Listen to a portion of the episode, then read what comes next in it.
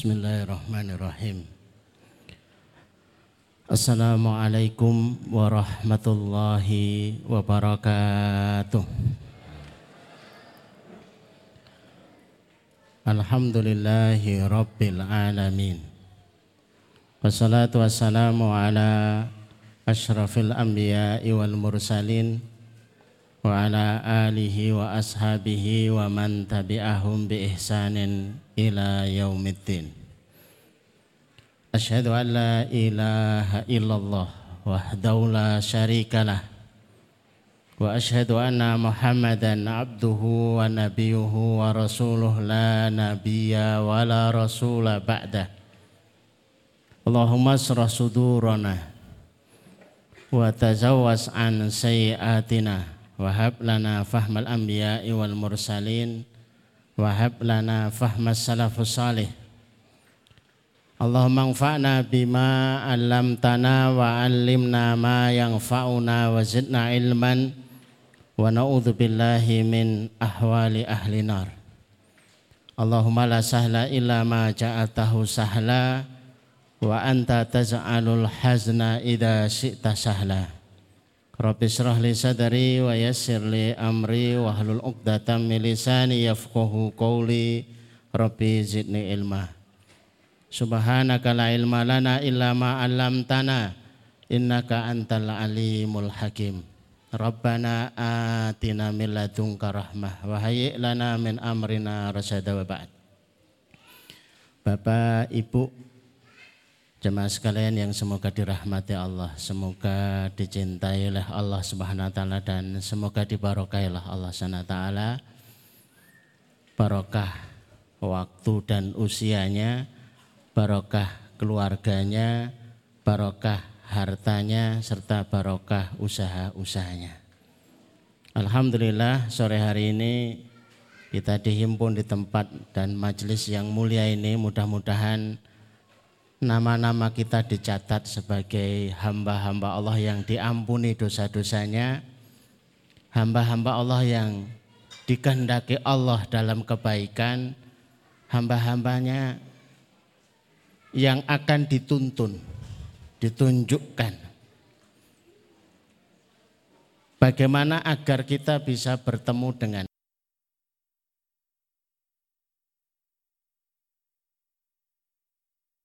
Hari ini di khutbah Jumat tadi saya sudah nyampaikan tertuang di surat Yunus ayat yang ketujuh. Walaupun nyampaikannya juga gemetaran gitu Allah sebut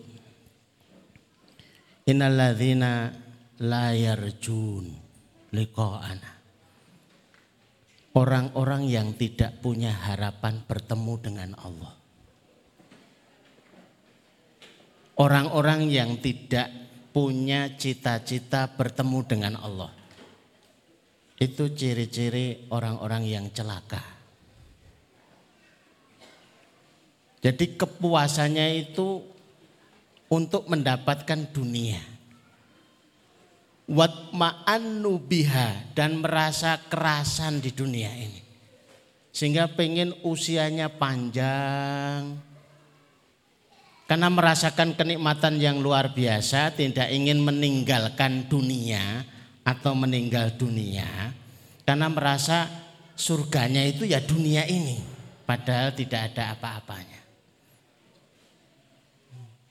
Itu diancam oleh Allah tempatnya nanti di neraka. Bagaimana mungkin seseorang hidup sekian lama mengibadai Allah, berdoa kepada Allah, harapan-harapannya itu disampaikan kepada Allah. Begitu berjasanya Allah, sementara kita tidak ada rasa penasaran ingin bertemu dengan Allah. Ini kan masalah.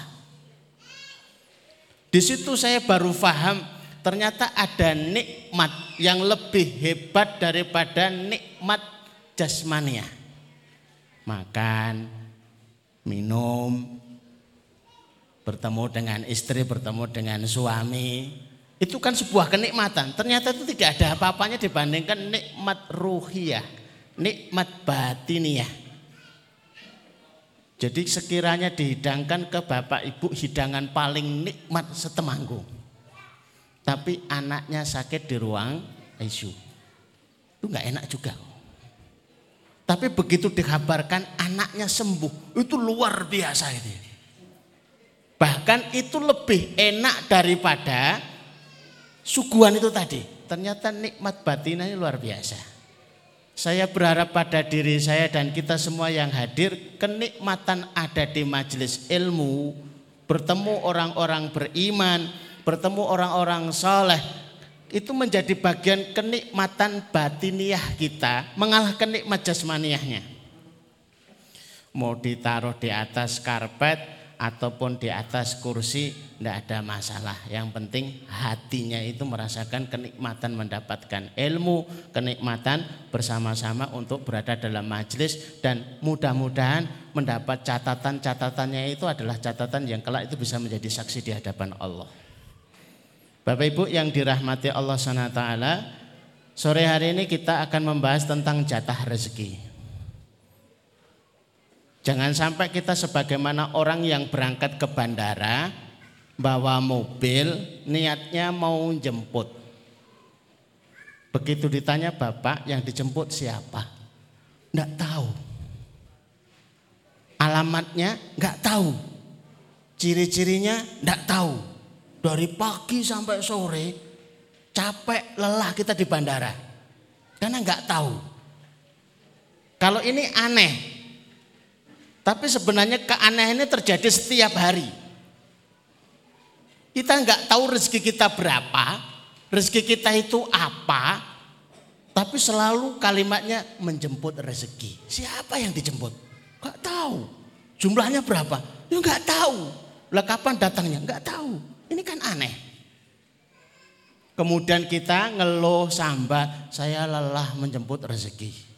Kenapa lelah? Karena nggak tahu yang dijemput. Dua orang penjual sayur.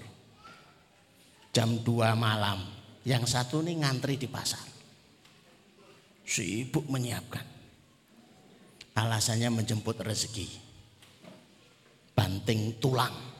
Padahal nggak beneran dibanting tulangnya. Yang satu lebih memilih sholat. Dua rakaat. Dua rakaat dua rakaat. Kemudian tangannya diangkat, ya Allah mudahkan rezeki saya, saya pengen hari ini dapat satu juta. Engkau maha kuasa, engkau maha bisa, engkau maha kaya, la haula wa la quwata illa billah. Selesai tahajudnya ditandai dengan waktu sahur dia istighfar astagfirullahaladzim. Astagfirullahaladzim.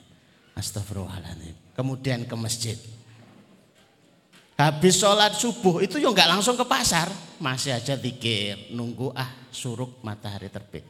Menurut bapak ibu mana yang peluang mendapatkan rezeki? Yang pertama atau yang kedua bapak ibu? Yang ke pasar jam 2 atau yang tahajud dulu? Kalau pas gini rata-rata pinter loh. Tapi kalau nanti sudah sampai rumah enggak tahu gitu ya.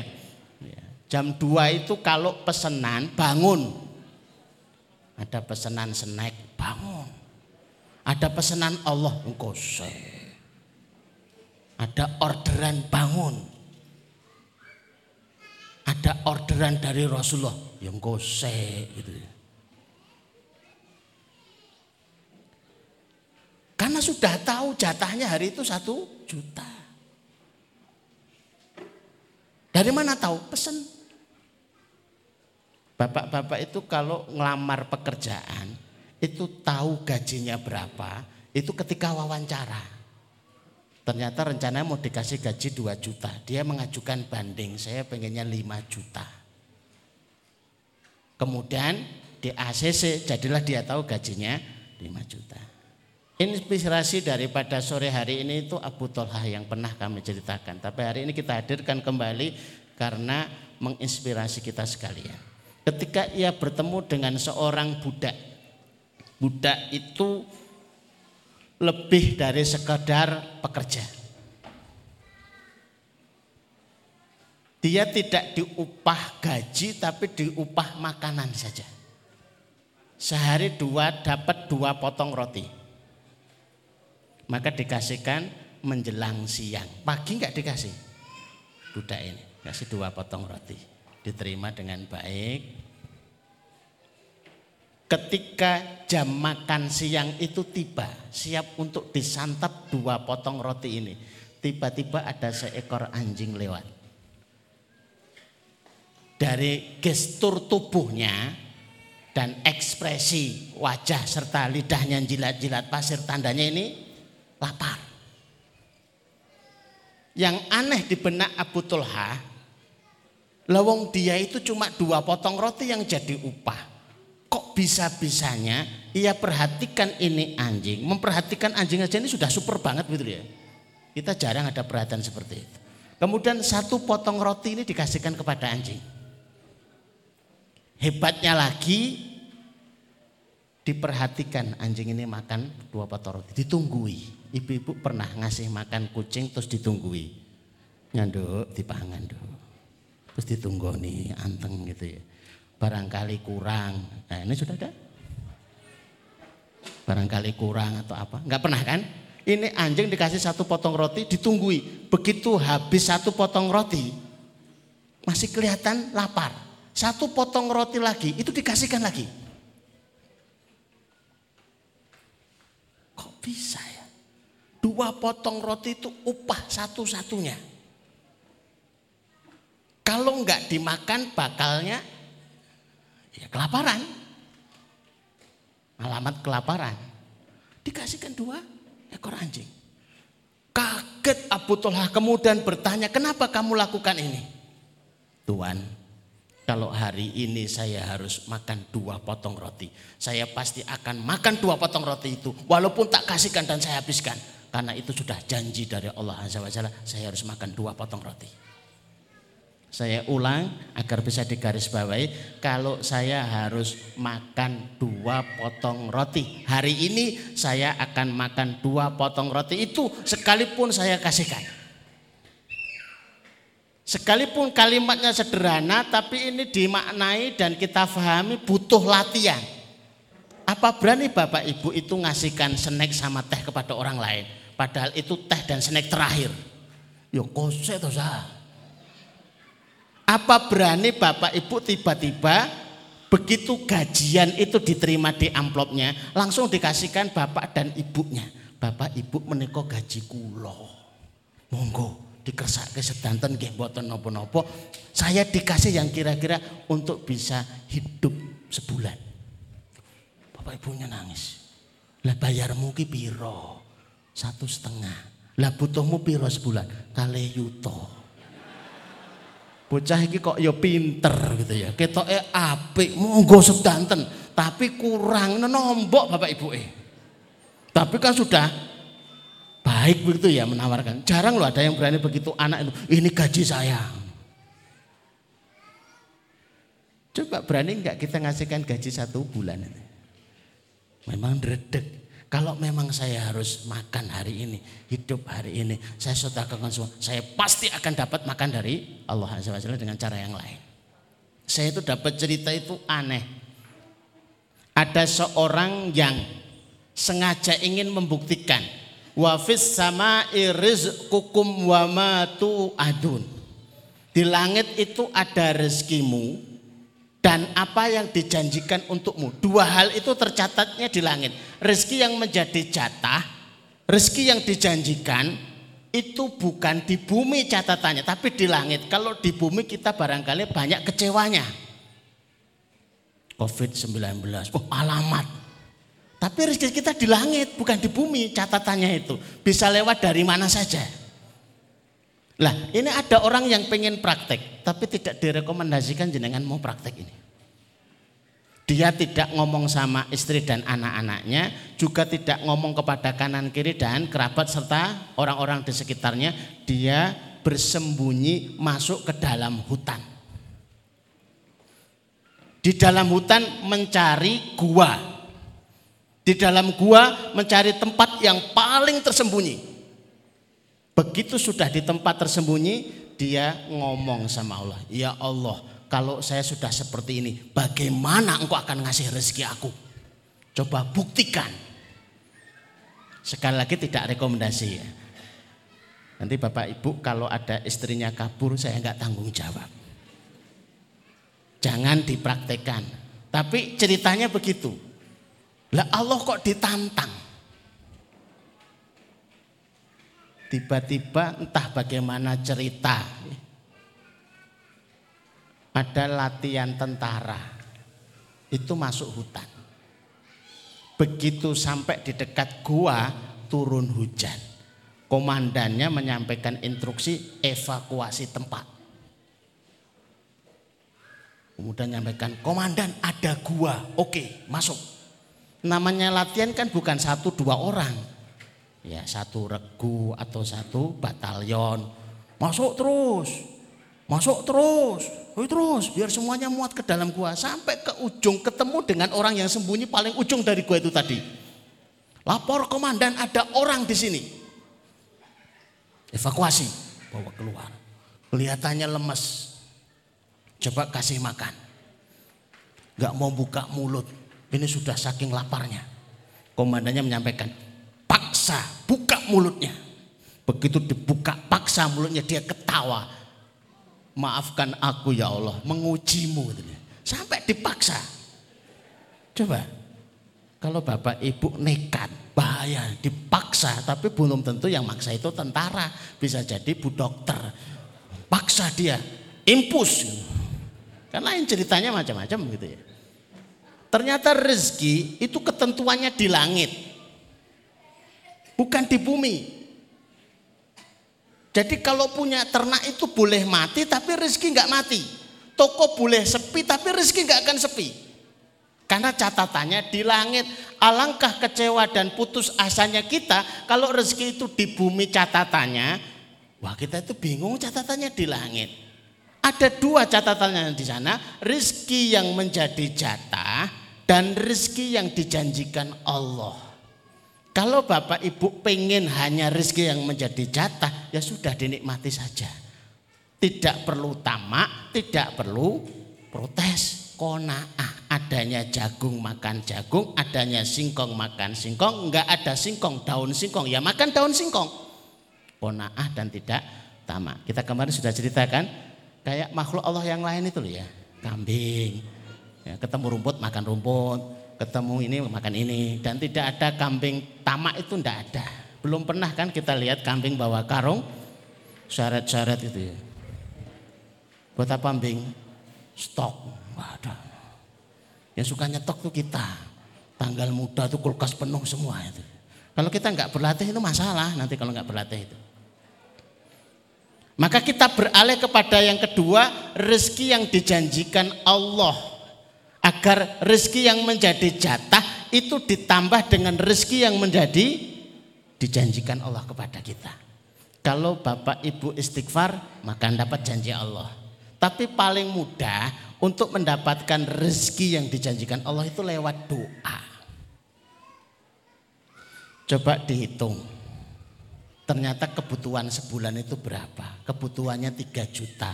Penghasilannya hari ini mau kerja bareng atau kerja salah satu tetap aja 2 juta. Ternyata masih kurang 1 juta. Kalau kurang 1 juta berarti masukkan dalam daftar pesanan doa kita. Mainkan rumusnya. Diminta habis sholat. Habis adzan. Itu sudah 10 kali. Diminta di waktu-waktu yang lain. Sudah terus terang saja. Tidak perlu kita itu sembunyi-sembunyi gitu. Ya Allah 2 juta kurang harusnya 3 juta. Allah marzukni salah satu malain. Itu kalau bahasa Arab. Tapi kalau tidak bisa bahasa Arab, nggih bahasa Indonesia atau bahasa Jawa. Ya Allah tigang yuto. Maksudnya apa? Engkau maha faham ya Allah. 3 juta. Setelah kita paham dengan pesanan kita kita naikkan. Ini lebih simpel ya. Berapa banyak orang tuh repot nyari modal, padahal ngomong minta saja itu bisa.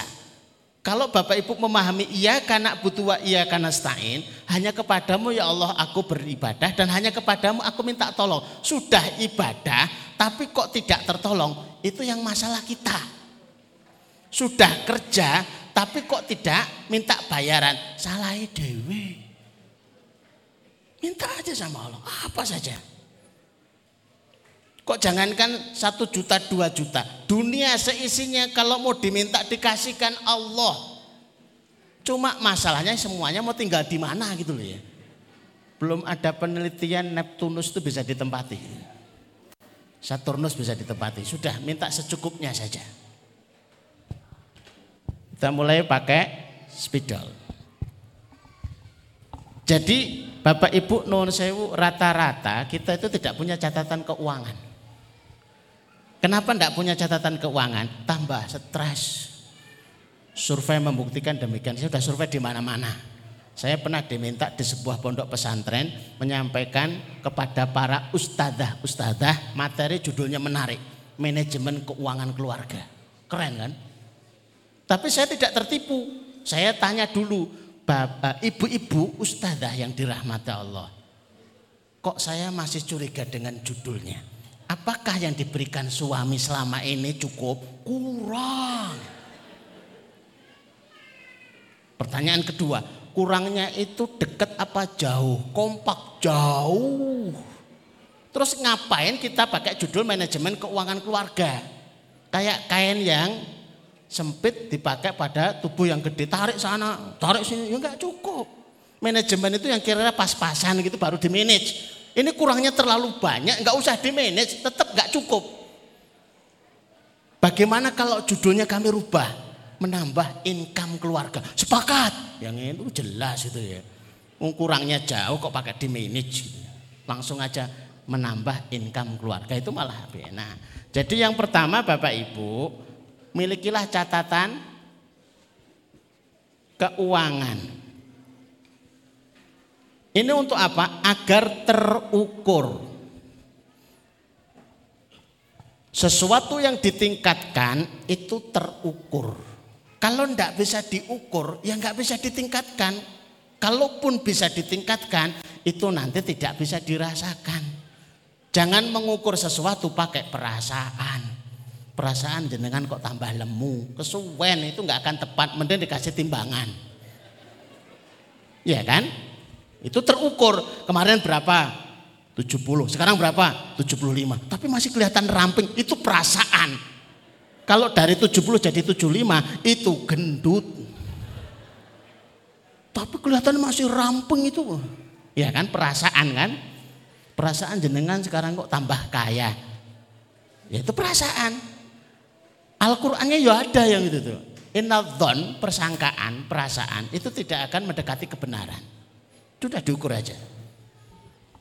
Jadi catatan keluarga, catatan keuangan. Wa in nikmatallahi suha. Kalau kamu hitung nikmatnya Allah tidak akan pernah bisa. Tapi hitunglah, walaupun tidak bisa hitunglah agar kita bisa bersyukur, agar kita bisa mengukur. Kenapa kita harus mengukur? Agar kita bisa meningkatkan. Ternyata diukur-ukur memang 3 juta. suami sendiri ya 3 juta, berdua kerja semua ya 3 juta. Padahal kebutuhan 5 juta. Kemudian di total kekurangannya berapa Bapak Ibu? 2 juta. Nah, kita punya target 2 juta. Kita masuk halamannya kedua.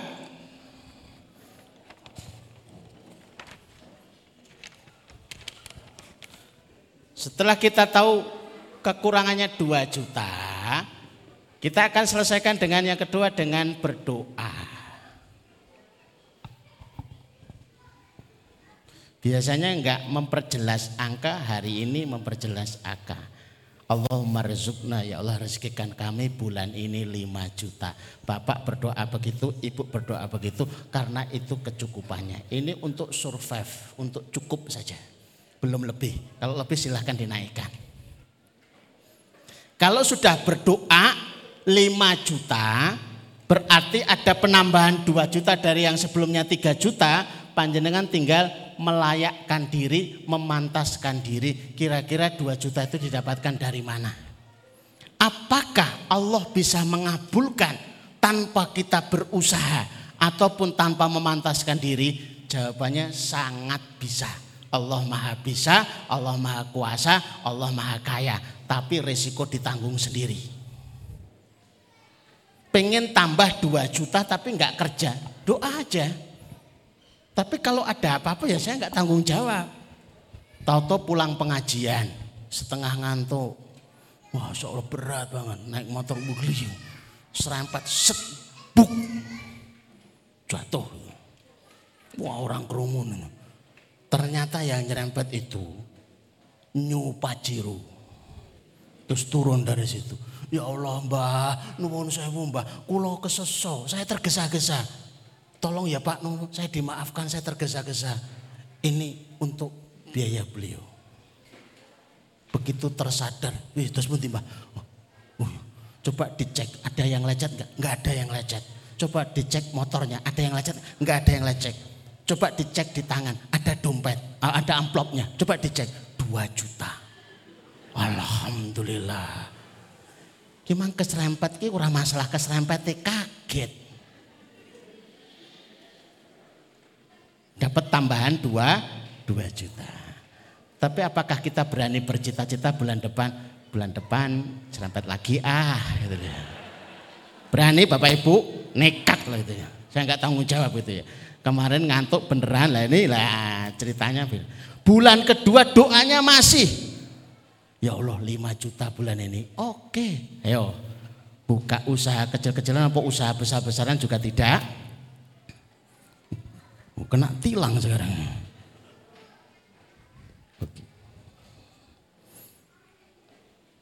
Bulan kedua memang nggak keserempet pak, sakit.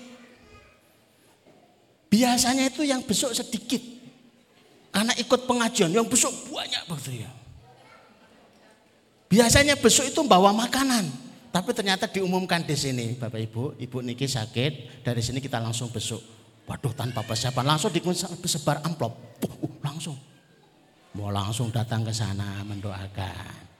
Kalau dikasih jajanan sama makanan, diterima cucu sama anaknya, Mbah menika saking wah dilihat kok nanas. Ya delene dhuwur meja. Sing yang guyu putune niku. Marning. Wong lorone tipes kok marning itu. Ya Allah mbok ya pengertian peka gitu loh wis kono delene dhuwur meja lah ini yang datang mbah tadi minta maaf mbah kita itu nggak sempat mampir pasar dari pengajian langsung ini mentahan Apakah berani? Yo kono delene ndur meja. Hilang. Taruh bawah bantal. Set. Yeah. Ada lagi. Set. Yeah. 300 orang, 300 amplop. Bantalnya itu langsung set. Ketika dokter itu mbah terus mengatakan, oh sehat dok, sehat. Harusnya sudah boleh pulang ini. Gagah bertanyanya sama dokter. E, dok ini habisnya berapa ya? Kental sana ya. Karena sudah ada cada, cadangan. Ini di total-total habisnya 10 juta. Waduh banyak. Sebentar ya dok. Bongkar bantalnya. Del, amplop dok no. Buka 100 ribu. Alhamdulillah 200 ribu, Alhamdulillah. 50 ribu, Alhamdulillah. 20 ribu, Alhamdulillah. Kosong. Innalillah. Lewong habis pengajian langsung dikasih amplop lu kapan? Kadang-kadang nggak bawa apa-apa. Dapatnya 12 juta. Untuk bayar 10 juta, sisa 2 juta. Bati. Napa mboten angsal sakit niku bati? Tapi saya yakin tidak akan punya cita-cita bulan depan sakit lagi ah gitu ya. Semua orang akan mengira ini sakitnya modus ini ya. Jadi sakit untuk penghasilan. Bahaya itu ya. Bahaya. Jadi Bapak Ibu ternyata jatah rezeki dan jaminan rezeki itu seperti itu. Itu sederhana. Apalagi kalau yang ketiga, saya melanggar tilangnya ini karena harus sampai tiga bahaya kalau nggak sampai tiga. Yang ketiga itu sedekah. Mau pakai rumus mana sotakoh? Kalau pakai rumus umum, hasanah setiap kebaikan dan sotakoh termasuk di dalamnya itu 10 kali lipat dibalas oleh Allah SWT. Ini rumus umum. Ada kelanya 100 kali lipat, ada kelanya 700 kali lipat. Lah kalau 2 juta kan tinggal ngalikan 10 persen. Wah berarti ya rumusnya 200 ribu sotakohnya. Oh gitu ya, iya sederhana.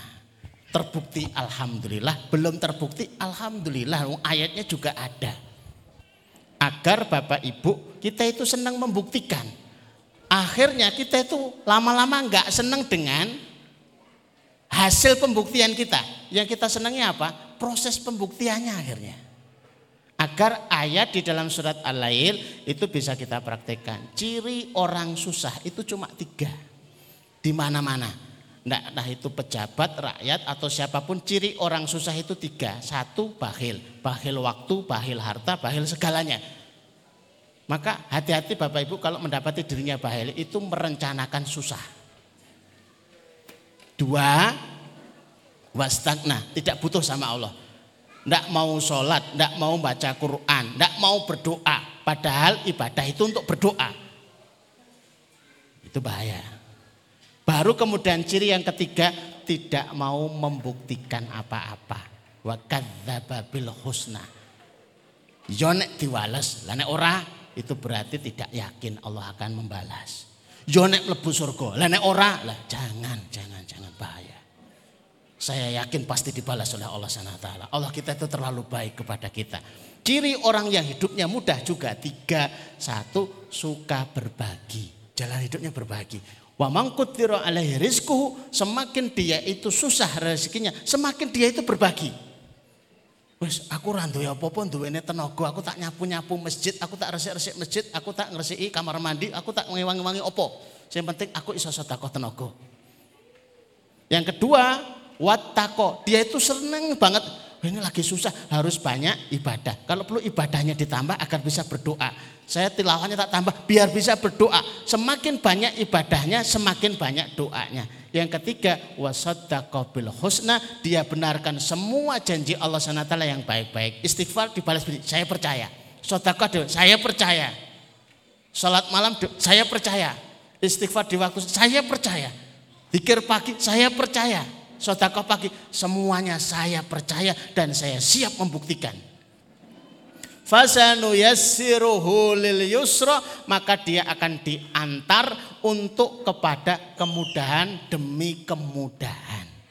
Maka hati-hati Bapak Ibu kita sedang berada di titik yang mana, rute yang mana, kok saya suwe, kok saya bakhil ya aku. Itu alamat susah, merencanakan susah kemudian. Jangan jangan lakukan. Ibadah kok mulai males alamat. Siapa yang tidak mau lelah ibadah, bersiap-siaplah lelah menghadapi masalah. Silakan dibuat kuat. Itu dulu saya tulis di depan pintu konseling. Akhirnya banyak yang pulang. Terus ngerti jawabannya. Siapa yang tidak mau lelah ibadah, bersiap-siaplah lelah menghadapi masalah. Jenengan tidak mau lelah baca Quran, siap-siap lelah masalah. Tidak mau lelah sholat, lelah. Nggak mau lelah bersotakoh, pasti lelah. Berhadapan dengan masalah, masalah, masalah ini. Agar kita tidak lelah berhadapan dengan masalah, lelahlah untuk ibadah. Toh dengan itu dipahalai oleh Allah, masalah dibentangkan mudah kepada kita. Bapak Ibu yang dirahmati Allah, bagaimanapun tetap harus saya akhiri semakin sore. Dan ini waktu mustajabah, waktu sebelum maghrib hari Jumat. Kita akan berdoa kepada Allah, mohon diaminkan kita tata hati kita, pikiran, dan kita tata hajat-hajat kita. Ya, mudah-mudahan kita diselesaikan oleh Allah urusan-urusan kita, diabulkan hajat-hajat kita dan dimudahkan urusan-urusan kita. Bismillahirrahmanirrahim. Allahumma salli ala Muhammad wa ala ali Muhammad kama sallaita ala Ibrahim wa ala ali Ibrahim innaka Hamidum Majid. Allahumma barik ala Muhammad wa ala ali Muhammad kama barakta ala Ibrahim wa ala ali Ibrahim fil alamin innaka Hamidum Majid. Alhamdulillahi rabbil alamin. La ilaha illa anta subhanaka inni kuntu minadh dhalimin. La ilaha illa anta subhanaka inni kuntu minadh dhalimin. La ilaha illa anta subhanaka inni kuntu minadh dhalimin. Allahumma ya Rahman ya Rahim ya Hayyu ya Qayyum ya يا ذا الجلال والإكرام. اللهم يا رحمن يا رحيم يا حي يا قيوم يا ذا الجلال والإكرام. Allahumma ya Rahman ya Rahim ya Hayyu ya Qayyum ya Dzal Jalali wal Ikram. Allahumma barik lana fi ahlina wa barik lana fi amwalina wa barik lana fi makasibana wa barik lana fi a'marina wa auqatina birahmatika ya arhamar rahimin. Ya Allah berkahilah keluarga-keluarga kami. Ya Allah berkahilah harta-harta kami. Ya Allah berkahilah usaha-usaha kami. Ya Allah berkahilah waktu dan usia kami birahmatika ya arhamar rahimin. Allahumma dzib hammana Allahumma dzib hammana Allahumma dzib hammana. Ya Allah angkatlah masalah-masalah kami. Ya Allah selesaikan problematika-problematika kami. Birahmatika ya arhamar rahimin. Allahumma inna nas'aluka amalan baran wa rizqan taran wa aishan wa qaran. Ya Allah anugerahkan kepada kami amalan yang baik-baik rezeki yang mengalir kehidupan yang tenang kehidupan yang tentram. Birahmatika ya arhamar rahimin. Rabbana atina min ladunka rahmah wa min أمرنا رشدا لا إله إلا الله العظيم الحليم.